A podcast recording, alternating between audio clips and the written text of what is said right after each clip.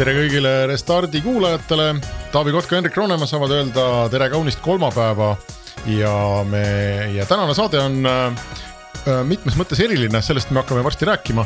põhiteema, mida me oma tänases saates tahame katta, on äh, noored, tulevik, ükssarvik, ükssarvikud ja asi, mille nimi on matik. Ehk tänases saates me räägime sellest, kas meie inseneride, nutikate inimeste, startup erite ja muidu Eesti elu edasi viivate kodanike järelkasv on olemas, kas nad õpivad asju, mis võimaldavad olla neil tulevikus edukad, kas nad kardavad jäledaid inseneriaineid või peavad neid põnevaks ja miks. nii et selline on tänane saade, aga mitte ainult, nii et varsti saate teada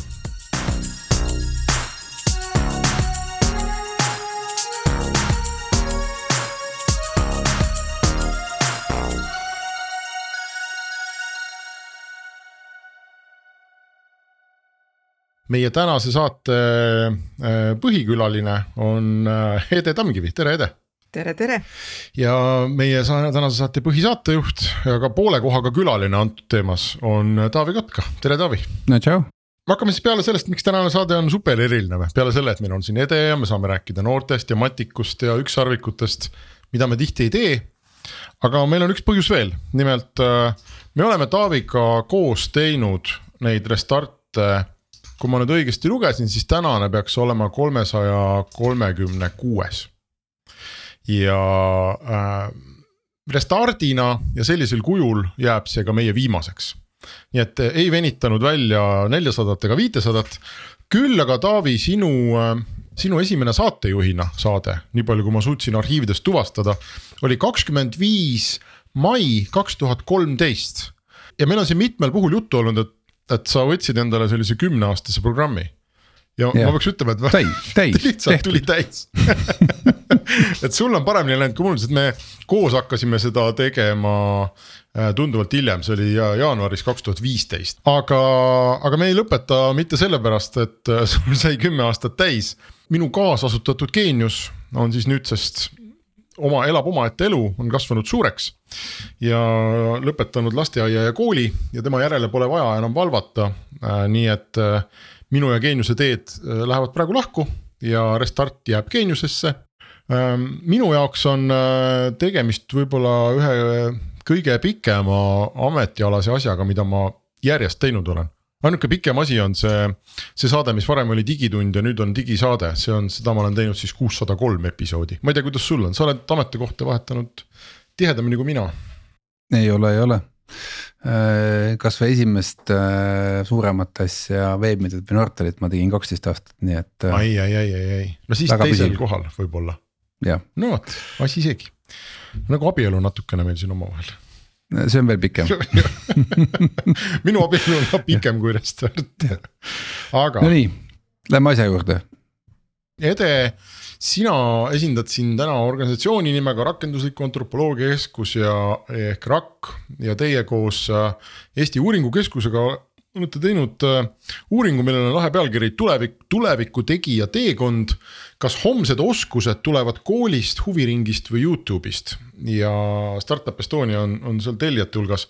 ehk äh, kui ma õigesti aru saan, siis sul peaks olema nüüd see lõplik vastus nagu, et kas see, kas see, mis me lastele Eestis õpetame ja see, mismoodi me oma, oma riigi nagu tulevikku ette kujutame, et kas sellega on kõik hästi või on kõik halvasti no ma kõigepealt täpsustaks ka, et ma, ma ka ikkagi esindan mitmeid, mitmeid erinevaid organisatsioone ja eelkõige esindan ma ikkagi iseennast tavaliselt. aga siin saates võib-olla jah, et sissejuhatuseks konteksti loomiseks võib-olla siis RAK-i äh, tiitel on sobiv. et ma tõesti äh, RAK-iga koos tegin juba siis vist kolmandat või neljandat uuringut ja, ja seda uuringut ma läksin eriti suure kirega tegema just seetõttu, et mina olen, kui te siin rääkisite sissejuhatuses oma ajaloost, siis, siis mina olen aastast kaks tuhat viisteist tegelenud noortega ja haridusprojektidega. ja ma ei ole kunagi elus üheski riigiametis töötanud, ammugi siis mitte haridusministeeriumis, aga, aga julgen küll arvata, et ma nende aastatega teatava kogemuse haridusvaldkonnas olen saavutanud ja selles mõttes mulle oli hästi tore see väljakutse ja lõpuks aga tekkis seal arusaam, et võib-olla teinekord liigne professionaalsus võib tulla ka kahjuks. et antud rollis uurijana võib-olla, kui sa, kui sa ise selles valdkonnas oled nii sügavalt sees, siis, siis hakkavad need isiklikud kogemused ja hoiakud võib-olla natukene mõjutama, aga tegelikult, mis ma arvan, mis selle uuringu äh, suurim äh, saavutus on, on see, et, et kui, kui me teeme või enamasti, kui tehakse igasuguseid haridusuuringuid, siis enamasti tehakse mingeid küsitlusi, mida ma isiklikult jälle hariduselt antropoloogina ütlen, et, et küsitlus kui selline, eriti sellised skaala küsitlused, et et hindan kas heaks, superheaks või ülimega heaks. Need ei anna sulle ju tegelikult mitte mingisugust teadmist me Taaviga oleme sel teemal ka kõvasti vaielnud ja et mina usun sellesse, et ikkagi ainuõige meetod inimeste arvamuse teadasaamiseks on nende intervjueerimine, nendega koos füüsilises ruumis aja veetmine, nende tegevuste vaatlemine, kõiki neid meetodeid sai siin uuringus kasutatud.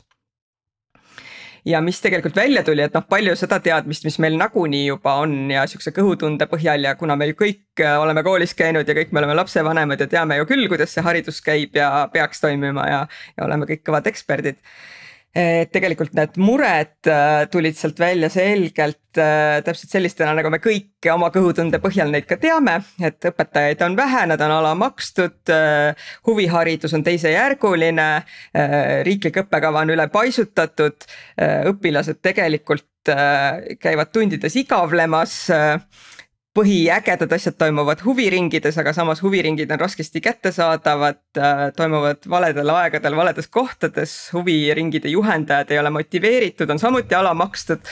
ja noh, kõik, kõik need hädad, aga tegelikult jah, selle, selle uuringu äh, eesmärk oli siis välja selgitada, et milline see teekond on ja kuidas neid huvisid äh, tekitada, alal hoida ja, ja süvendada.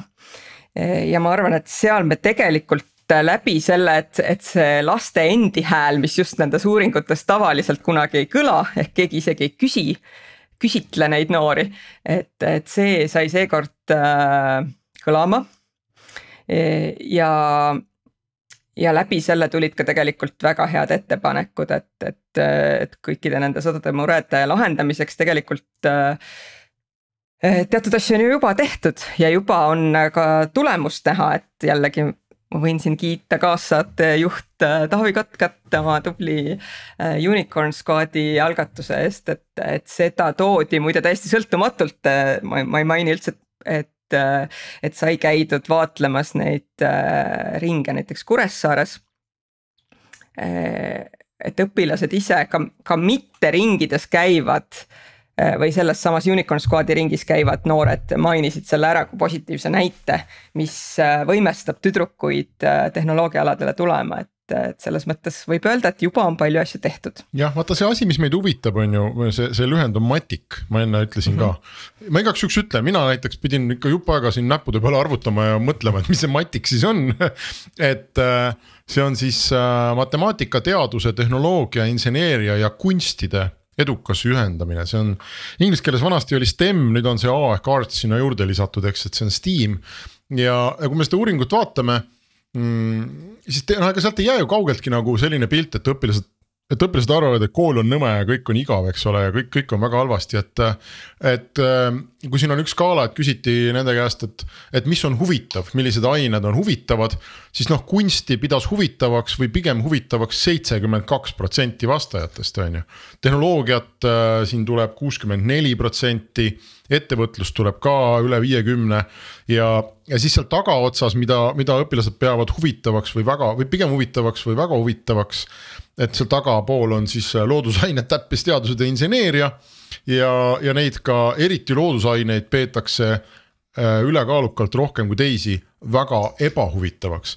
ja mina lugesin seda ja mul tekkis selline kiuslik tunne, et äh, et võib-olla ei ole süüdi ei kool ega lapsed, aga äkki see valdkond on süüdi et äkki see valdkond ise on nagu igav lihtsalt ja. ja me võime võimelda ja öelda, et õpetaja on vana, eks ole, ja, ja ma ei tea, vihik on liiga ruuduline aga äkki lihtsalt, äkki see ei olegi huvitav valdkond enamuse inimeste jaoks, ma ei tea, mis te arvate?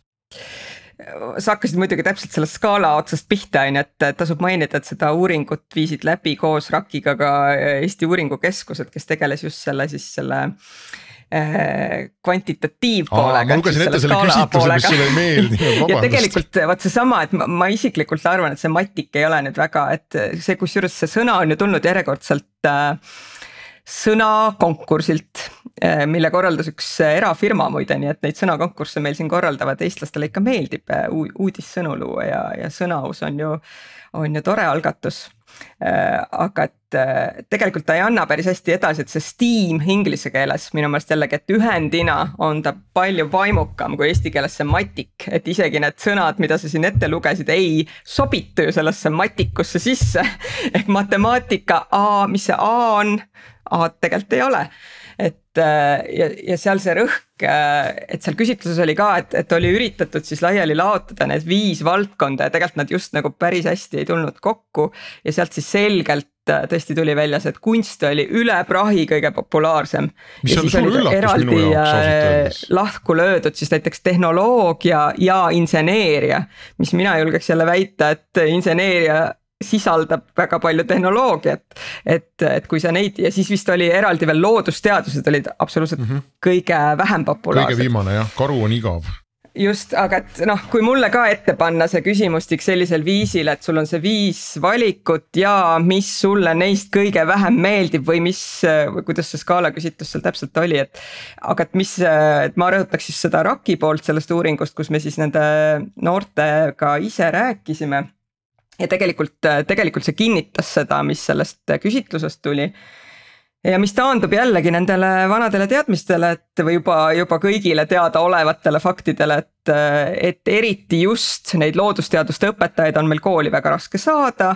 eriti füüsika, keemia, matemaatika täpselt selles järjekorras ja täpselt nii need ained, kuhu, kuhu on saada, kuhu õpetajaid on raskem saada, vastavalt need tunnid on ka õpilaste jaoks kõige igavamad, sest ongi äh, vanade meetoditega, vanade väärtushinnangutega õpetaja klassi ees ei inspireeri, ei suuda köiteid, ei suuda tekitada kirge, et näiteks ma toon siia kõrvale sellesama Unicorn Squad'i, kus sul on äh, lapsevanemad ise, kes on sügavalt motiveeritud, et tema laps saab äh, huvitavas huviringis käia. Ja seetõttu ta on ise motiveeritud panustama sinna ringi et see on hoopis teine motivatsioon kui see, et keegi pensionieelik või lausa pensionilt tagasi kooli kutsutud, et keegigi oleks klassi ees.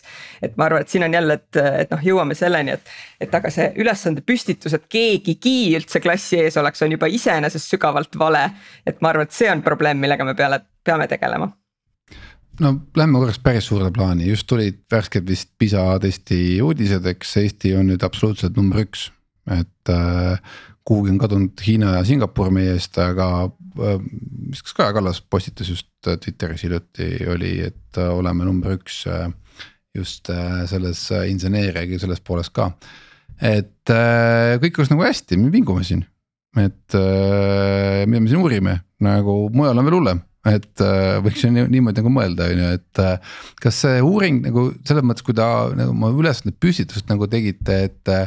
Et kas seal oli ka mingi nii-öelda alaeesmärk või nagu vaade just selle koha pealt, et noh, haridus on väga pika vinnaga teema, ükskõik, mis me täna teeme, see mõju on näha võib-olla kümne-viieteist aasta pärast, eks on ju heal juhul. võib-olla isegi kahekümne aasta pärast, et, et kas me peame üldse midagi muutma kui nagu noh, ma ei tea, PISA järgi on kõik nagu okei okay., nagu PISA muidugi mõõdab ainult testi tulemusi, on ju, aga et.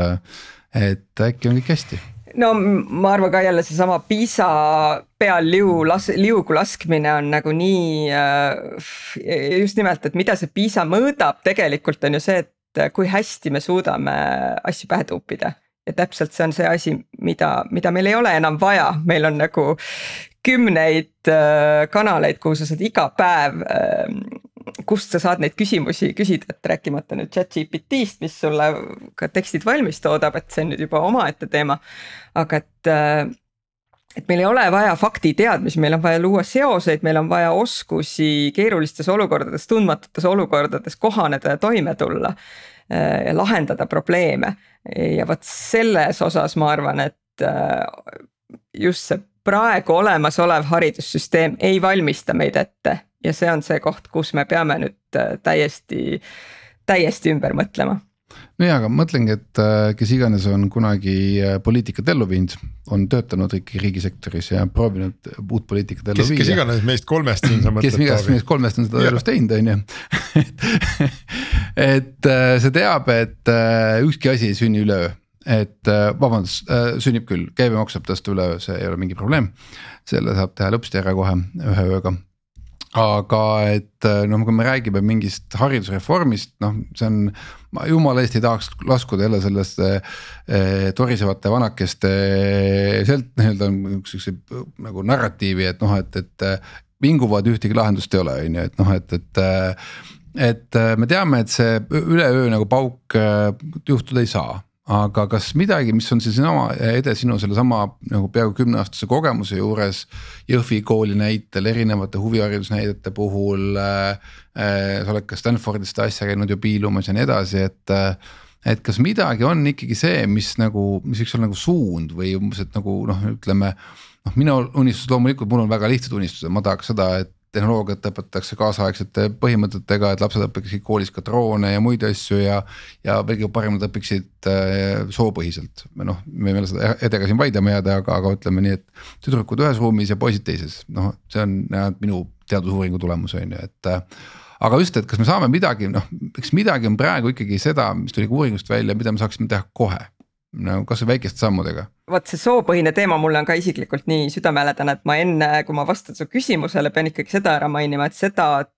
see uuring näitas ka, ma arvan, päris veenvalt, et noored, noortel ei ole enam neid eelarvamusi, mida on meie põlvkonnal ehk äh, lapsevanematel ja õpetajatest rääkimata ehk et, et seesama, kui ma õigesti mäletan, miks Unicorn Squad asutatud sai, oli äh, banaalne lugu, kuidas robootikaringist visati välja üks tüdruk, kuna ta ei olnud niivõrd aktiivne nagu poisid ja loomulikult robootikaringi juhendaja oli mees.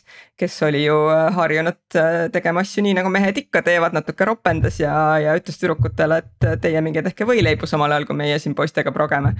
et noh, mis see klassika on ju mis, mis ongi tegelikult, mida see, mida see uuring ka veenvalt tõestas, et et noored, kes ise ei ole selliste olukordadega kokku puutunud või isegi kui nad on nendega kokku puutunud, siis nad ei oska nende, seda tõlgendada sellisel viisil.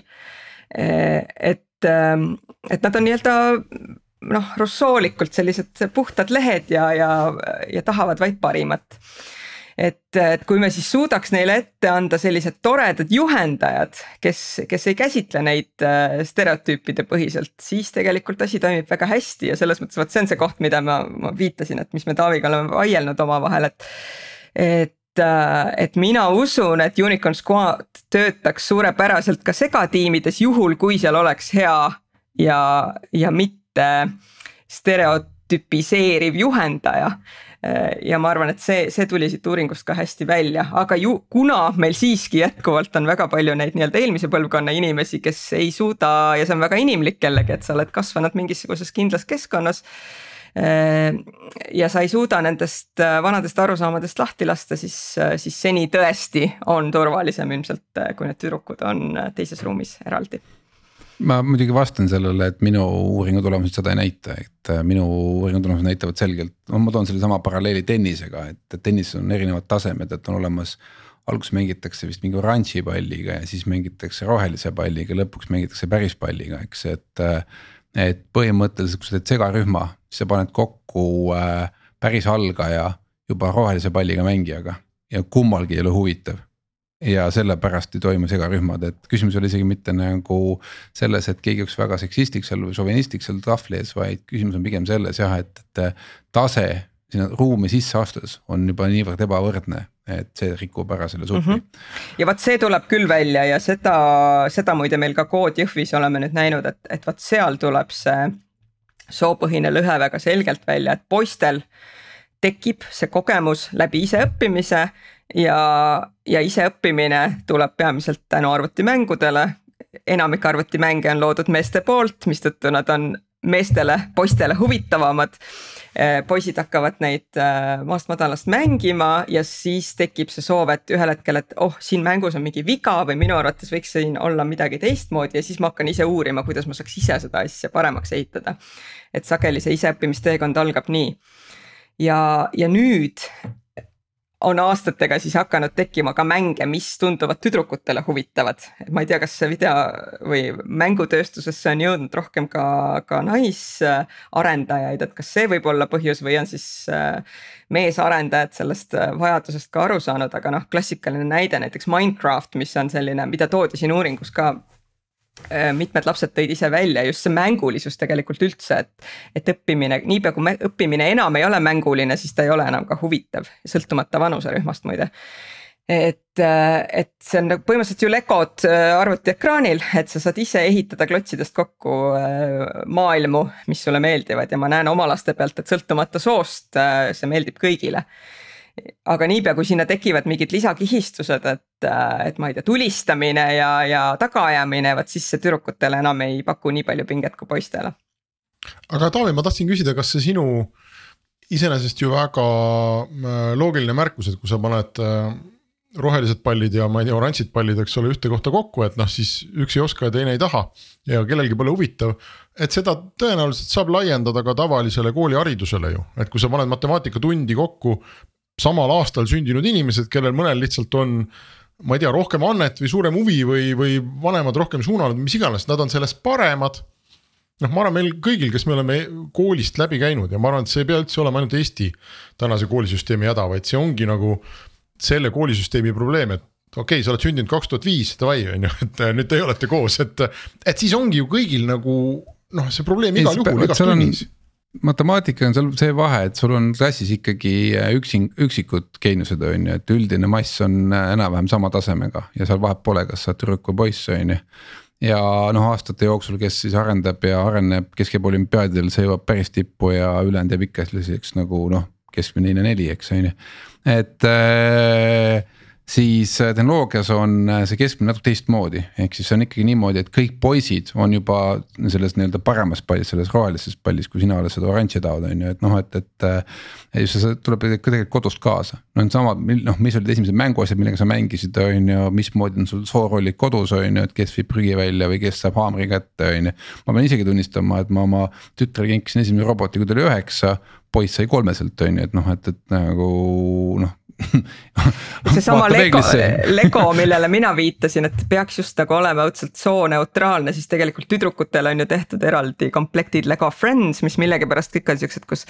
ilusad tüdrukud müüvad jäätist ja mängivad koerakestega, on need komplektid, mida sa saad siis valmis ehitada.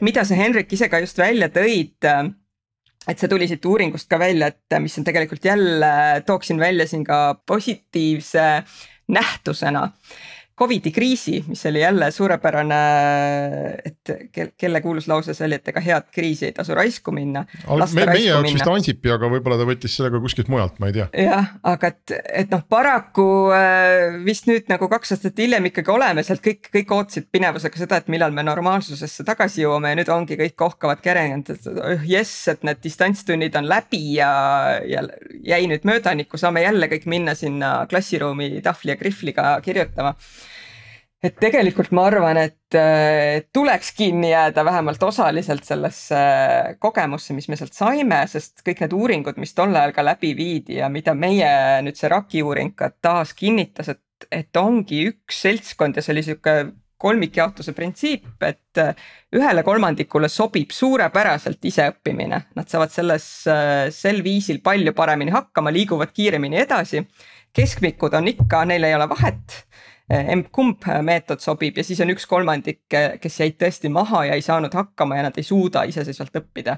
ja millegipärast kõikides nendes uuringutes keskenduti sellele viimasele grupile, rääkimata sellest, et ja mida Taavi tõi välja, et matemaatikatunnis on alati sul kaks geeniust, on ju, aga et ka kaks geeniust vajavad edasiliikumiseks paremat juhendamist ja nad on selles mõttes erivajadustega ja vot see on nagu nüüd küsimus, et kuidas meie olemasolev haridussüsteem suudab, et seni me oleme keskendunud nende mahajääjate aitamisele, aga et kuidas me suudaks enam keskenduda sellele, et ka nendele oleks äh, suurem väljakutse, ka seal tunnis istuda või eraldi küsimus muidugi, et kas nad üldse peavad seal tunnis istuma.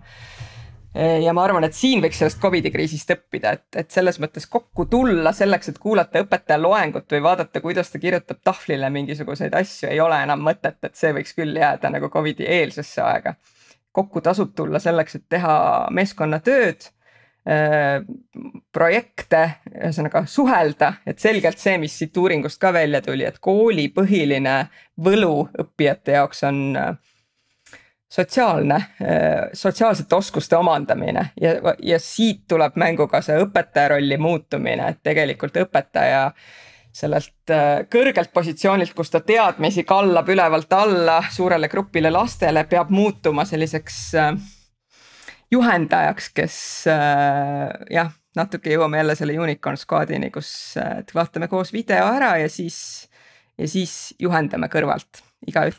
see, see on, aga see on lahe, mis sa räägid, Ede, sest äh, minu lapsed on nüüd käinud ühe kooliaasta, see nüüd saab kohe praegu läbi, on ju äh,. Koolis äh, mitte, mitte Eesti koolisüsteemis ja, ja nende tunnid on suhteliselt sellised, nagu sa kirjeldad, okei okay,, ma ei ole ise tunnis käinud, aga, aga nii palju, kui nad räägivad ja nii palju, kui me oleme õpetajatega käinud vestlemas ja ma näen, kuidas need klassiruumid ka on üles ehitatud. et klassiruum ongi nagu ma ei tea, kohvik on palju öeldud, aga noh selline ümmarguste laudadega ruum, eks ole, kus, kus ühe laua taga on siis seal mingisugune kuus-seitse õpilast. ja, ja nad kogu aeg toimetavad midagi, et kord ühes grupis mingi laua taga, eks ole, siis ta täidab mingit järgmist mingit juppi ülesandest teise laua taga. ja, ja hästi palju ka nendest, sellest väljundist, mis siis, et mis me siis täna koolis tegime, eks ole hästi palju sellest väljundist ongi mingi praktilise mõõtmega, et noh, me tegime mingisuguse. ma ei tea, suure seinalehe dinosaurustest umbes või noh, ma tegin, tegi, meie grupp tegi mingi esitluse, eks ole, mingist Antarktikast või noh. et, et see on ju natuke see, mida me, ma saan aru, räägime, et, et seda me nagu tahaks. ja tundub, et neil on põnev ja nad saavad väga hästi hakkama äh,. aga noh, samas nad on praegu väiksed, on ju, et kui see mingi PISA testi ükskord sisse sajab, võib-olla, võib-olla on see PISA jaoks kõik mõttetu olnud, et mul on väga raske öelda seda ja, aga mõtlengi, et noh eh, niimoodi me ei jõua mitte kuskile, et noh, et mulle õudselt meeldis Armeenias mingi asi, sulle ja, meeldis midagi Hispaanias on ju, kokkuvõttes kellelegi meeldib Singapuris, tegelikult need äh, igast labori, mis on Hiinas on, need on ka maru ägedad, on ju, et noh, ühesõnaga. kelle järgi me lõpuks joondume või mida me siis teeme, on ju, et. et minu küsimus on ikkagi pigem selles, et, et mis meie eesmärk on ja kas meil on mingi suur probleem, kas meil on midagi väga valesti ja no ütleme ausalt, ega ma ei oleks selle unicorn'i squad'iga tegelema hakanud, kui minu silmis oli väga valesti see probleem. et ma olen ikka olnud väga mitme IT-ettevõtte juht ja kui ma loen üles, mitu progejat mul naiste hulgas on, siis noh, vastus on noh, üks kolm või noh, ja samas noh, kolmesajast umbes on ju, et noh, et, et, et see on nagu nii näpuotsaga. ja kui ma võtan veel ühe pildi, et äh, vaatan siis, et kes siis nagu nende kõige paremate töökohtade peal, kus on, kus on nagu kõrgemad palgad ja. ja, ja ka intellektuaalsemad, suuremad võimalused on ju siis noh, null, mitte noh, ma ei tea, süsteemi arhitekti naisterahvast, kui keegi saab, teab, tunneb, saatke mulle pärast Facebookis mingi sõnum või midagi, on ju, et mina pole veel leidnud, eks on ju, jah, süsteemi analüütikuid sealt on, aga ütleme just nagu ütleme arenduse poole peal täielik null. et see, kas see, kas see ongi nii, et kas see peab nii olema või see ei pea niimoodi olema, et kas see ongi noh, ma ei tea, naise peakujus, ma olen šovinistlik meelega on ju, et noh, et kas see naise peakujus kinni või milles see kinni on, et miks ainult mehed on nagu äh, tipparendajad, on ju ja, ja siis äh, noh, üksikute eranditena, kes tõenäoliselt on kellegi tipparendaja tütar olnud kunagi on ju, et noh, et, et jällegi. et äh, ja, ja siis sa võtad sellise projekti, sihukese probleemi. noh, sa ei saa öelda, et noh, et kuule, teeme USA järgi või teeme Hispaania järgi. Äh, noh, mina võtsin selle seisukoha, et, et kui sind, sulle see mure, muret valmistab, siis noh, testi ära noh, maksa kinni ja proovi, on ju, et noh, et, et vaata, kas tuleb mingi muutus, kas tuleb mingi noh, suund paremuse poole või ei tule, on ju, ja ma ei tea veel ehk siis noh, me oleme täna jõudnud kolme tuhandeni, esimesed lapsed, kes meie süsteemist hakkavad ülikooli minema, juhtub kolme aasta pärast. okei okay,, vabandust, meil juba on läinud, meil on juhendajate hulgast on läinud, seda, nemad tulevad juba välja sealt, eks, et aga, aga erialavalikud on tõenäoliselt kolme, kolme aasta pärast ehk siis ja kui see ei tulegi välja, tulebki välja, et ta täiesti mööda pannud, siis noh, see miljon või natuke rohkem, noh, see on sinu enda raha, ise kulutasid, on ju, oma viga, et nad, nad riik ei riskinud, on ju. et me ei saa teha niimoodi selliseid asju, et me teeme mingi reformi, mõtleme, et oh, ei ole äge. Davai, et kuulge, et nüüd äh, riik palun kehtesta ja pane kõikides koolides äh, tööle, meil on üle kuuesaja kooli sellise reformi läbiviimine. noh, panna kuussada kooli uutmoodi tööle, no kuulge sõbrad, see on nagu räige, noh räme töö. tiigrihüppega me seda tegime, aga see võttis äh kümme, kümme no mida me tegime, me teeme seadmed äh, koolidesse, minu meelest siiamaani normaalset infotehnoloogilist haridust koolides ei anta. ei, ei, ei, no just nimelt, ega seadmed üksi ei anna neid. las ma nüüd ikka ütlen, me tõime seadmed koolidesse, aga sellele järgnes hirmus suur ja pikk õpetajate koolitamise mm -hmm. programm yeah,. mis oli nagu palju suurem asi tegelikult kui see, et me ostsime arvutid, mida kõik mäletavad Tiigrihüppest, aga see, et me peaaegu kõik Eesti õpetajad saatsime kõigepealt arvuti algkoolitusele ja siis võtsime need, kellel silm rohkem säras. ja, ja, ja tegime nendest, ma ei tea, kuidas ma siis ütlen, edumeelsete õpetajate grupid, eks ole, ja, ja vedasime neid tiigrihüppe raha eest suvelaagritesse ja tegime community'd ja panime nad teistmoodi mõtlema, teistmoodi õpetama. see oli nagu ma arvan, tiigrihüppe noh, päris äh, teene, nii et ärme, see ei olnud kindlasti mingi arvutite ostmise programm on ju, aga see oli keeruline ja võttis aega aga no vot, see, see näitabki edukalt ära minu meelest, et, et see äh, nii-öelda pidur ongi, kusjuures meil oli siin üks suurepärane tsitaat selles samas uuringus, et üks õpetaja ise ütles, et meie olemegi need pidurid, üks noor ja särav õpetaja et äh, ja paraku nii see on, et see inimfaktor on seal kõige aeganõudvam ja, ja keerulisem ja, aga samas kõige tähtsam, et, äh, et see, et need seadmed ise ei õpeta kedagi midagi tegema ja me, ma mäletan, ma olin ise, tegime sellist algatust nagu Eesti kaks punkt null, kus me viisime 3D printereid koolidesse. ja aasta hiljem siis küsisime, et kus siis need printerid on ja mis te nendega teete ja selgus et, et kahekümne viies protsendis koolidest olid need direktori kabinetis kaunist ehitatud linikuga. ainult direktor võis vajutada start nuppu et, et noh, see näitab, et ega, ega see tehnika ise ei, ei pane kedagi midagi tegema ja teine asi, et, et kui ju, tulla tagasi selle Taavi jutu juurde, et kus siis on need säravad naisprogrammeerijad, et et on paralleeli ettevõtlusega, kus teatavasti need numbrid on üsna sarnased ettevõtluses meil teatavasti on nii nagu ka IT-s umbes kolmandik naisi.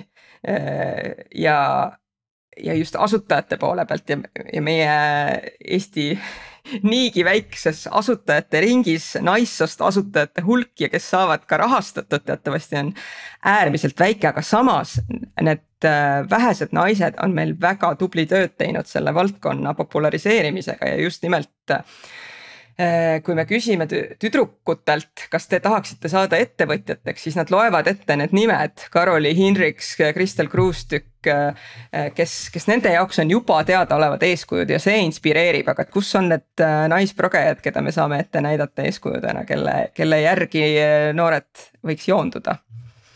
Taavi. minu käest küsid ei, selles mõttes ma olen sinuga nõus, et täpselt, et, et ilmselt see tulebki nagu sa ütled, et kui nad lähevad kahe aasta pärast ülikooli, siis, siis me peame ootama veel äh, viis ja. aastat, eks ole. no aga mõtlengi, et need reformid on kallid ja siin ongi seesama teema, et, et kas sellised nagu noh, targutamised, mida me noh, mõnes mõttes ka siin praegu teeme, eks on ju, et äh, omal väiksel moel. et äh, kas need omavad üldse mingit sisu, noh, et me peaksime pigem rääkimagi sellistest lühikestest tekst, testidest, mis sobivad nagu meie konteksti ja just meie maailma, meie majandusruumi. Noh a la, kui meie noh, praegune eesmärk on, et me kaks tuhat kolmkümmend tahame olla ikkagi teadmistepõhine majandus. vaatame praegu oma ekspordi allakäiku ja muud siin tööstuse allakäiku on ju, et noh, et, et siis äh, tundub, et eh, noh, polegi nagu väga muid valikuid, tulebki sinna IT-sse rohkem panustada, on ju. siis tekib ju küsimus, et noh, et kui me oleme võtnud riiklikuks eesmärgiks saada rohkem nagu teadmisepõhiseks majanduseks. aga naistel ei anna seda võimalustki. Ja noh, ütleme, et noh, et pole probleemi, on ju, et palgalõhet pole, mitte midagi pole, on ju.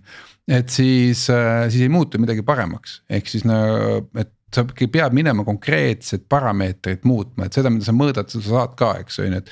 kui sa ütled, et sellega on probleem ja noh, mina väidan, et on probleem, naisi on liiga vähe, võiks olla rohkem, saaks paremat palka ja nii edasi, on ju. et noh, siis test, testi ära, tee ära oma väike test, on ju, küsimus ongi, mis edasi saab, on ju, kui test on ära tehtud. siis siin mul küll praegu väljundit ei ole, sest noh, ühel hetkel saab ühe pere rahakott otsa, on ju, ja rohkem ei jõua maksta, on ju, et noh, et, et et see on, arvan, noh minu. vot, vot seda mina pakuks ka välja, et, et esimene asi, kusjuures sellest räägiti minu meelest mingi viis aastat tagasi juba, ma isegi ei mäleta, kes siis tollal võis haridusminister olla, aga et. et et, ka hariduses võiks olla selles mõttes selline riskifond, et, et katsetamegi ära, et ja neid näiteid erasektorist on tegelikult ju päris palju. ja noh, ma isegi näiteks hüppelaud suvekooli sel aastal teeme juba seitsmendat korda ja samamoodi võin öelda, et mina võin ka mõõta mõju ja öelda, et näed, et, et meil on nüüd see mõju käes, et mulle tulevad äh, hüppelaua läbi teinud noored iseennast järgmiste aastate mentoriteks pakkuma ja nad on läinud rahvusvaheliselt tunnustatud ülikoolidesse tehnoloogia erialadele, ka tüdrukud muide. ja, ja tulevad iseennast pakkuma, ehk siis see süsteem taastoodab juba ennast ise ja siis nad lähevad siin Bolti, Veriffi, Wise'i tööle.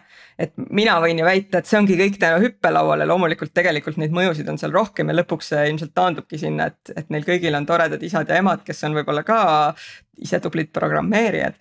ja sageli nii ongi, et et selles mõttes seda mõju saabki vaadata pikaajaliselt, aga et selles mõttes see võiks olla see koht küll, kus siis riik võtab üle, et palun väga, meie tegime erasektoris kiirelt, testisime ära, töötab, võtke üle.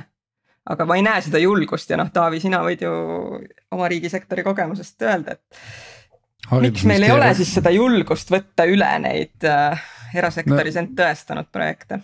meil on üks ministeerium, kus ei ole julgust. ainult üks või? no võib-olla mõni veel, aga ühes kindlasti ei ole aga tegelikult see, me oleme siin nagu tiirelnud kahe pooluse ümber, eks, et me räägime ühes lauses äh, kooliharidusest, mida lapsed saavad siis, kui nad lähevad, ma ei tea, kell kaheksa kooli on ju ja tulevad pool kolm tagasi. ja siis me teise hingetõmbega räägime sellest huviharidusest, eks Äh, mida noh, kasvõi unicorn squad'i näitel või mis iganes robootikaringide näitel ja siis me kuidagi proovime neid ühendada ja siis nad jälle lähevad nagu lahku meie enda jutus ka.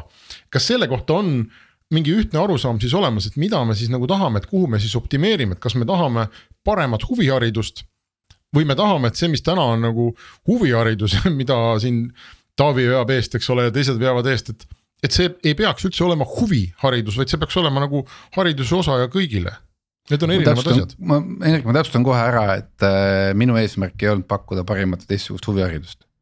Ehk siis äh, meie projekti väga selge eesmärk on, on see, et äh, tehnoloogiaõpe peab muutuma koolis kahekümne esimese sajandi põhimõtete järgi ehk siis äh, vineeris koera ja, ja Muhu mustrit me võime jätkuvalt teha.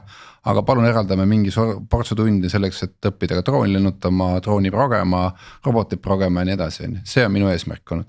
selle eesmärgi esimene takistus oli see, mulle öeldi, mis oli ka tuntud koolidirektorite poolt välja öeldud, seda pole mõtet teha, sellepärast et tüdrukud ju ei taha et kui nad tahaks, siis oleks ju nendes progemisringides võrdselt ehk siis noh, me naerame selle üle täna, eks, et tüdrukud ei taha, on ju, aga see oli esimene hüpotees, mida ma hakkasin tõestama. teine probleem oli see, et pole juhendajaid.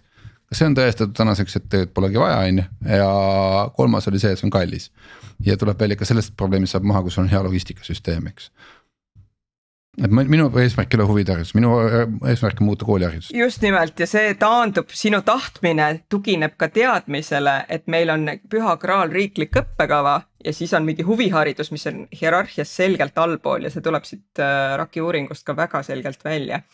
ja eriti äh, räägivad sellest huviringide juhendajad ise, et nad tunnevad, et nad on äh, kuskil seal hierarhias väga alumisel astmel ja neid ei võeta üldse tõsist, et, et koolid, õpetajad on ikkagi kuskil kõrgemal ja kaugemal aga, aga et kui me vaatame ja siis, mis on kõige kurvem, et, et tegelikult õpilased ise naudivad kõige enam seda.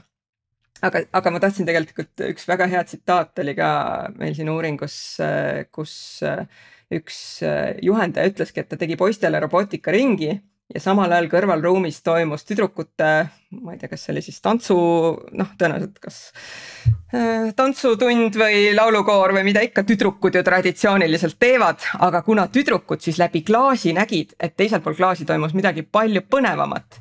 Et äh, ja, ja see oli väga graafiline kirjeldus, kuidas siis äh, ilanire voolas mööda klaasi, sest need tüdrukud kõik nagu nina vastu klaasi vaatasid ja tahtsid ka. ja kui nad siis läksid koju ja nõudsid oma vanematelt, kes omakorda nõudsid siis kooli juhtkonnalt aga noh eks see on klassikaline selline rohujuure tasandilt äh, kõrgemale jõudmine, aga et, et kui tulla tagasi selle küsimuse algse püstituse juurde, et aga et kuidas me siis jõuame sinna, sinna otsustustasandile. Et ma ei tea, mis, mis peale selle, et me ära näitame, et, et me tegime, asi töötas mis veel saaks toimida, et, et kui palju lõpmatuseni, et, et, et mulle tundub, et meie süsteemis on nagu põhiviga ongi see, et haridus on meil olnud äh, just nagu tasuta või noh, seda, seda nähakse kui tasuta teenust ja seetõttu eeldatakse, et, et me peame seda tasuta ja sellisel kujul jätkuvalt saama, aga me ju ei äh,, kuidagi ei arvesta sellega, et me tegelikult maksame selle kõik ise kinni, aga see süsteem äh, sellisel kujul või noh, et meie ei saa ise otsustada, et mil viisil seda raha siis kasutatakse Äh, noh, mingid asjad on ikkagi, mis me saame ära teha, kus on selgelt nagu vigu tehtud. noh a la, mis meil on see laiem matemaatika ja mis see lahja matemaatika oli, et. Et noh, näiteks selle sellise valiku sissetoomine üldse nagu eksamites on noh, selge nagu noh põhimõtteliselt ega te ei peagi väga matemaatikat õppima, sõnum äh, noortele, eks on ju, et. Äh, no kuule, kirjand, ma saan aru, on ka tänapäeval taandatud mingiks äh, kolmeks hajusaks mõtteks, mis yeah. on kuidagi. aga, aga ärme, ärme sinna nagu, nagu mine, et ikkagi. Taavi jälle tahab öelda, et see ei ole õige, äh, Henrik, meie võime vastu vaielda, et. et ajakirjandus või kriitiline meediasisu analüüs on nüüd ka jõudnud eesti keele tundi, mida mina tervitan kahel käel ja kindlasti Henrik, sina ka, kuna meie oleme ikkagi koos ajakirjandust õppimist õppinud. Taavi leiab, et see on aja raiskamine. ja me, me ütleme aja raiskamine, mu küsimus on ikkagi see, et, et milleks me ette valmistame neid noori ja nagu selles mõttes, ega need noored ise ju selles vanuses veel seda väga mõtestada ei oska, et küsimus on ikkagi nagu ka. noh, vanemates, et noh, oletaks, oletame, et meil oleks väga kehv kooliharidus, siis ju vanemad lööksid rusika lauale ja nõuaksid paremat, on ju, et noh, selles mõttes ega need valikud ka, kas need lapsed on seal tantsutunnis või, või lähevad robootikat õppima, on väga paljuski vanemate teha, on ju, et noh. Ede, sa isegi panid omal ajal tütre enne kuskil mujadesse ringidesse kirja ja siis alles vaatasid, kuhu see robootika mahub, on ju, et. et eks ta hakka sealtpoolt hakkab. vale, Taavi levitab valeinfot okei okay,, seda te võite pärast klaarida ja Eesti rahva püsimajäämise seisukohalt see ka väga tähtis ei ole, aga aga ma noh, ma arvan, et see lõpuks me ongi see, et me oleme täna siin juhuse tahtel on ju tehnoloogia saates ja. ja Taavi on äh, ülikoolis, äh, mis sa õppisid matemaatikat, sina veel proge. ei ole, ma informaatik, ma olen informaatik. informaatik, no vot, sa oled, et äh, kui meil oleks siin tennise edendajad, eks ole, või, või minu pärast nagu eesti keele inimesed. ma arvan, et me kokkuvõttes räägiksime ju sama juttu, lihtsalt need ainenimetused oleks teised, eks, et. et noh, kui, kui mina vaatan täna me kõik võime vinguda noorte üle, eks ole, aga ma tõesti vaatan, eks ole, seda, et kuidas äh, inimestel on äh, kolm lauset järjest panna, nii et sellest mõte välja tuleks, on ilmselgelt võimatu. siis me võime neile Taavi Matti nagu taguda ööl ja päeval pähe ja see võib olla maailma kõige huvitavam asi. aga ma arvan, et ega me noh, rahvana jällegi oluliselt kaugemale sellega nagu ei jõua, et et, äh, et kui see asi nagu lonkab, ju ta siis lonkab teistes valdkondades ka. ja me ei saa lõpuks jõuda ju selleni, et me teeme kõigepealt robootika huvihariduse ja siis, kui nad sealt lähevad, siis nad lähevad äh, enese mõtete selgelt väljendamise ja kirjapanemise huviharidusse. mida ei tee võib-olla sina, aga noh, võib-olla ma ei tea, Hans Luik, eks ole, hakkab tegema, et äh, tema leiab, et ikkagi eneseväljendusoskus on tähtis, sest tema on ajakirjandust õppinud, noh. et mis pagana haridus see siis lõpuks on, kella kahe, poole kolmeni käiakse koolis ja siis minnakse huviharidusse õppima asju, mis päriselt tähtsad on, et see on, kõlab nagu imelikult. ei vaata see, millele Taavi enne viitas, et tegelikult ja mida see uuring siin ka välja tõi, oligi see, et see kuues-seitsmes klass on see kriitiline vanus, kus õpilastel tekib äh, ütleme siis eneseteadvus selles, selles äh, mõttes, et nad hakkavad iseenda eest otsustama, et kui varem tõesti vanemad otsustavad ja see, siin tulevad selgelt mängu need vanemate vanakooli stereotüübid, et tüdrukud peavad ikkagi kõik tantsuringis käima ja. ja poisid heal juhul noh, kui nad jalgpallitrennist aega üle jääb, siis võivad ka robootikasse minna, et äh, et siis hakkavad nad ise otsustama ja vot selles vanuserühmas tegelikult ei ole seda, mis, mis pakuks neile pinevust, näiteks just kui me nüüd robootikast räägime, et. et kui seal on seal mingid Lego Mindstormid võib-olla seal kuskil kolmanda-neljanda klassi astmes pakuvad pinevust, siis, siis järsku. et, et sa tahaksid teha midagi nagu mõtestatud või näha, et see su äh, tegevusel on ka mingi reaalne tulemus, mitte et sa paned mingi Lego komplekti kokku ja siis sa lammutad võetakse jälle ära ja, ja noh, mis siis sellest sai. et, äh, et vot siin on see, see tühimik, mida keegi tegelikult ja taandubki sellele, et ei ole neid inimesi, kes suudaks mõtestatud tegevust pakkuda sellele sihtrühmale, mis neid tõepoolest kõnetaks. nii et, äh, et, et ses mõttes jõuame jälle ikkagi inimeste puuduseni ja, ja see, et, et tagasi jõudes selleni, et kui me räägime, et, äh, et mis siis meil nagu koolisüsteemis üldse tervikuna äh, valesti on, et, et jah, suur õpetajate põud, mina väidan, et meil ei ole õpetajate põud, ma arvan, et meil on äh, teatud valdkondades isegi üleküllus, lihtsalt see õpetajate roll tuleks ümber mõtestada ja. ja sõna otseses mõttes ümber jagada ka asukohapõhiselt. aga see muide laiemalt ju tähendab, et me peame üldse hakkama hindama mitte ainult nagu meie, kui ma ei tea, kui haridusministeerium, vaid ka meie kui lapsevanemad. võib-olla peame hakkama hindama ümber seda mõõdupuud et me oleme ise ju koolist läbi käinud ja me teame, et viis on viis ja kiituskiri on kiituskiri, on ju. ja, ja noh, ja seetõttu me ka seda PISA, PISA testi, ma arvan, siin oluliseks peame, eks ole, fakt on fakt ja peast, peas olev asi on peas olev asi. aga et nagu selles mõttes, kui, et sellele peab nagu ühiskondlik nagu teiselt poolt tellimus tekkima. et ma võib-olla ütlengi, et ah, mis mingi järjekordne viis nagu kuskil äh, matemaatikas, et nagu see ei ole üldse oluline. et, et ma ka lapsevanemana siis nagu oskaks tõmmata teiselt poolt seda vastu ja ma isegi täna jään vast-, vastuse võlgu, et mis, mis see siis on mida sa mõõdad, seda sa saad. täna mõõdame piisat ja seda saame ja, ja. väga hästi saame. Äh, kui sa midagi ei mõõda, siis ei saa ka midagi, seda on ettevõtluses. oota, aga mu küsimus oligi Taavi ka sulle või võib-olla Edele, et aga mis, mida me siis mõõtma hakkama peaksime, mis võimaldaks meil iseendale ausalt silma vaadata ja öelda, et jah, PISA järgi me oleme umbes maailmas kõige esimesed ja peaminister võib seda tweet ida või jumal teab kuhu kirjutada aga kas on mingi muu mõõdupuu, noh, kui ma ütlen selle, et mõõdame mõ,, hakkame õnne mõõtma.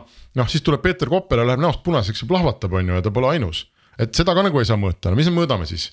neljapäevast töönädalat või, või mida me mõõdame? kui ma, ma, et sa, sa tahtsid ede vastata või? ei, mina selles mõttes ma ei taha nüüd ka kõlada nagu mingisugune Äh, puukallistasin, aga õnne on ka vaja mõõta, ma olen aru saanud, et seda siiski on vaja mõõta, et, et tegelikult need ja mulle kohutavalt hakkab vastu see, kui me hakkame rääkima mingitest pehmetest väärtustest, et ma arvan, mulle tundub, et need, mida sageli nimetatakse pehmeteks väärtusteks, on need kõige olulisemad baasväärtused elus üldse, mis meid siis ikka, et ma võin ju olla, mul on jälle üks isikliku tutvusringkonna näide, et üks äh, tuttav oli hästi mures oma laste pärast, et ta poeg läks programmeerijaks, teenib mega palju palka ja on meeletult õnnetu. Ja tütar hakkas kunstnikuks.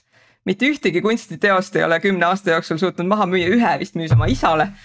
aga ta on nii õnnelik, ta on nii rahul omadega, et lõppkokkuvõttes, mis siis äh, no vaata, aga need näited ongi, aga aga, aga see on ikkagi päris küsimus ju, et täna selgelt me mõõdame PISA-t ja noh, siis see on nagu mingi selline autokraatlik süsteem, et. et kui lõpuks on üleval üks, üks nagu tüüp, eks ole, ja sa õpid ära, mis talle meeldib, noh siis kogu süsteem hakkab automaatselt noh, optimeerib ennast selle inimese õnnelikuks tegemisele ja täna meie diktaator on siis järelikult see pisa või? see on ju ainuke asi, mida me lehtedest Ei. loeme vot see on ka isetäituv ootus, et kui me siin saates ka sellest pisast veel korra, veel korra seda mainime, kusjuures ma taustal vaatasin, et minu meelest ei ole värsked tulemused välja tulnud, et ma ei tea, millal peaminister seda tweetis, aga et mina tea, minu teadmist mööda peaksid need sügisel saabuma aga ma tean, et seda, see oli ju, tehti ära, minu oma laps ka osales selles ja loodetavasti panustas siis sellesse, et me saime nüüd tõesti esikoha, aga et, et see tegelikult, see ei näita mitte midagi. et, et meil on palju olulisemaid mõõdikuid, mis näitavad, kuidas meil riigina ja ka hariduses läheb. mulle muidugi meeldib see lause, et parem on õnnetu olla Mercedeses kui Moskvitšis kui sa oled no. õnnetu, aga kui sa oled õnnelik Moskvitšis jah, ja kui sa oled õnnetu, siis niikuinii vahet pole, siis sa oled niikuinii õnnetu. aga võib-olla me jätame selle siis koduseks ülesandeks äh, nii endale kui teistele ehk, et küsida, mida, et mida siis mõõta. Ja, ja millest need artiklid peaksid siis kõnelema, mis katsuvad kuidagi hinnata Eesti koolides ja huviringides toimuva kvaliteet, nüüd see minu arvates on selge, ta noh, kus Taavi on kolme ringiga kõigist ees, eks ole, tüdrukute, poiste osakaalud erinevatel elualadel noh, mul on väga raske vaielda siin, eks ole, et, et, et see oleks kuidagi vale mõõdik, ma arvan, see on väga hea mõõdik ja noh. kui sa sinna optimeerid Taavi on ju, siis sul on ka, ma arvan, reaalne lootus Eesti koolisüsteemi muuta, on ju, sest see on väga selge. väga selge asi, mida sa võid noh, iga kvartal kasvõi või iga aasta võid laduda välja ja me näeme, kas see on läinud paremaks või halvemaks. minu suureks meelehärmiks Eesti väga eesrindlikud ettevõtted siiamaani, mina ei ole näinud, et keegi annaks välja äh, vabatahtlikku sellist äh, mingit võrdsusraportit näiteks et ma tean, meil seaduses ei ole kirjas, et sul peab olema, eks ole, nelikümmend kaks protsenti naisi ja nad peavad saama nii palju palka. aga ma olen ammu mõelnud, et äh, teatud suuremad ettevõtted võiks mingisuguse keha, mingi MTÜ, mingi asja teha. ja noh, kasvõi kaks korda aastas panna sinna oma ettevõtte raportid välja, isegi kui need on koledad. isegi kui tulebki välja, et mul on äh, sada meesprogejat ja kolm naist on aga pane siis välja see ja võib-olla siis tass, tassime selle probleemi siis avalikkuse ette ja äkki saab niimoodi edasi, aga. ma võin vähemalt siia vahele öelda, et Skype kaks tuhat viisteist aastal tellis Tartu Ülikoolilt sellise uuringu. ja, ja sealt need numbrid tulid noh, nii nagu nad on, on ju, et, et ega nad midagi seal ei varjanud ja seal tuli selgelt ka välja see, et mida kõrgemad ametipostid, seda vähem oli seal naisi, et naised on mõistagi meil ju kliendi toes ja, ja testijatena ja võib-olla ka HR osakonnas, aga, aga arenduses ja ma ei tea, süsteemi arhitektidena ilmselt äh, naisi me väga ei näe. ma ei tea, kas see on nüüd kaks tuhat viisteist äh, aastast väga. ma ei tea, ma lihtsalt vaatan praegu, et USA suur, vähemasti börsiettevõtted annavad seda küll välja, ma jään vastuse võlgu, kas see on neil mingi kohustus, aga noh. Diversity report on täitsa tavaline asi on ju, kõik võivad neid laadida alla iga aasta ja nende pealt mingeid järeldusi teha, et võib-olla siis seegi aitaks meid edasi mm. -hmm no just nimelt, et, et kvoodid on, vaat selles mõttes ma olen äh, olen ka inimestega palju sel teemal vaielnud, aga ma arvan, et kvoodid on vajalikud seni, kuni asi muutub normaalsuseks, et seesama küsimus, et kas on vaja Swedbanki ees vikerkaarelippe lehvitada, siis ma arvan, et praegu neid on vaja lehvitada kuniks kuniks, äh, et me ei võta ju kelleltki sellega midagi ära, vaid anname osadele palju juurde. nii, aga sul on mm, -hmm. Taavi on vahepeal saanud tweeti. Äh, tulemused. ja ma just vaatasin, et on kaks päeva tagasi on Kaja Kallas okay. äh, postitanud. huvitav, haridusministeeriumi kodulehel ma ei midagi, kas nemad ei pidanud seda uudisväärtuslikuks? Taavi, kas meil on veel midagi lisada või me saame oma saate. ei, selles mõttes see haridusteema on sihuke ujuv teema, aga ma ikkagi kannustaks kõiki üles, üles selle, selle poole, et mõelge oma laste tulevikule, mõelge, mis oskused neile vajalikud on ja arendage neid, et. et nad oleksid konkurentsivõimelisemad ja ärge kuulake neid, kes ütlevad, et meil on õdesid ka vaja ja eriti just naisõdesid, et. et andke neile võimalus ka matemaatikas ja mujal särada, et nad oskavad küll aa, see on ka muide eksiarvamus, et äh, matemaatika on midagi, mis ainult isa oskab, et mine isa juurde, et ema ei osanud koolis, et sa ka ei pea oskama. mina, mina ka ei oska, ma võin ausalt öelda. minu juurde ei ole mõtet tulla. Aga ma arvan, et meil on ka praegu hea hetk ikkagi kui me siin loeme üle päeva mingisuguseid küsimärgiga artikleid, et äh, kas äh, suured keelemudelid teevad proge ja ameti mõttetuks, eks ole, noh, ma arvan, me saame täna vastata, et ei tee, aga küllap see muutub ajas, nii nagu kõik ametid on kogu aeg ajas muutunud aga, aga mulle tundub, et potentsiaali nende, selle ai teemaga potentsiaali põhimõtteliseks kiireks muutuseks on.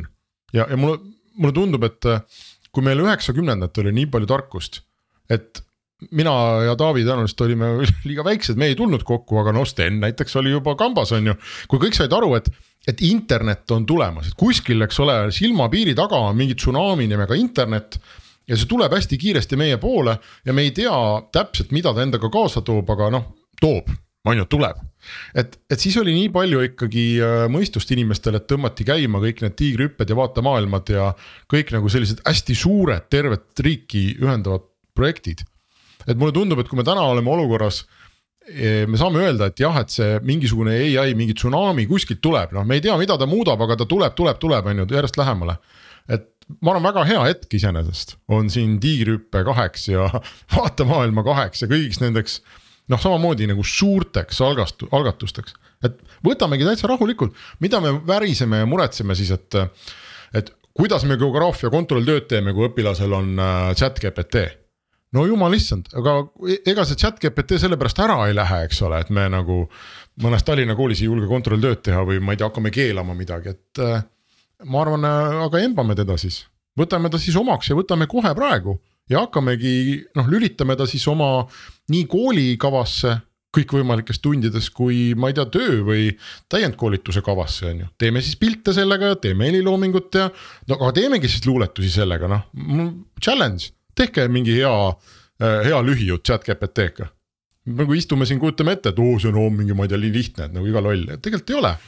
ma ootan ka põnevusega, et mis meil äh, tänavu suvel hüppelaual, kui palju, äh, kui palju äh, põnevaid tooteid siis tänu ai-le hakkab meil sündima ja, ja, ja, ja noored. ma olen hiljuti ka olnud ühe esseekonkursi žüriis, kus ka äh, selline nii õpetajatele kui õpilastele suunatud, äh, et kuidas ai hakkab mõjutama haridust ja kõik õpilased nägid seal palju võimalusi ja kõik õpetajad nägid ainult ohte, et noh, ma ei tea, ma enam ei äh, mäleta, kirjutage meile, kes mäletab, kas üheksakümne kolmandal aastal kuskil õpe, õpetajad käisid muretsemas, et kui tulevad arvutid, et siis lapsed ei pea enam tindipliiatsiga kirjutama ja kogu, kogu ühiskond kukub kokku, et. mõtle, mis nende käekirjaga juhtub. no ja juhtuski, on ju, mis teha vot mul juba muidu oli sel ajal arvuti, mm. -hmm. et ma lihtsalt ikka olin kambas, ma lihtsalt märgin ära mul oli ka, aga ma, ma ei tea üldse, mis, olnud, mis krüptilisest tennist sa siin räägid, et, kuidas see siia saatesse sattus ma tutvustan ajalugu, Sten Tamkivi oli Lauri Leesi ja Marju Lauristini ja muude tähtsate inimestega äh, tiigrihüppe launch imise juures ja lõpuks osales haridusministeeriumis selles tähtsas töögrupis, kes äh, seadis suundi, ta oli siis äh, gümnaasiumi õpilane Tartust. Aga tema, tema oli poliitika kujundamise juures juba siis hiljem pandi see kõik muuseumisse. seda ma, seda ma pidasin silmas, aga olgu, me oleme üle oma aja läinud, mis on võib-olla hea. tunni tu... me alustasime ka jah, aitäh. Taavi ja Henriku kolmesaja kolmekümne kuues Restardi episood, hetkeseisuga viimane. Meid näeb ülitõenäoliselt kaheteistkümnendal augustil õhtupoolikul Pärnus Arvamusfestivalil rääkima. vabandust, Paides jah, tundmata teemal, aga küll me selle teema ka välja mõtleme. suur tänu kõigile, meil oli väga tore Restarti teha, näeme jälle. et mitte järgmisel kolmapäeval, aga tulevikus, aitäh. aitäh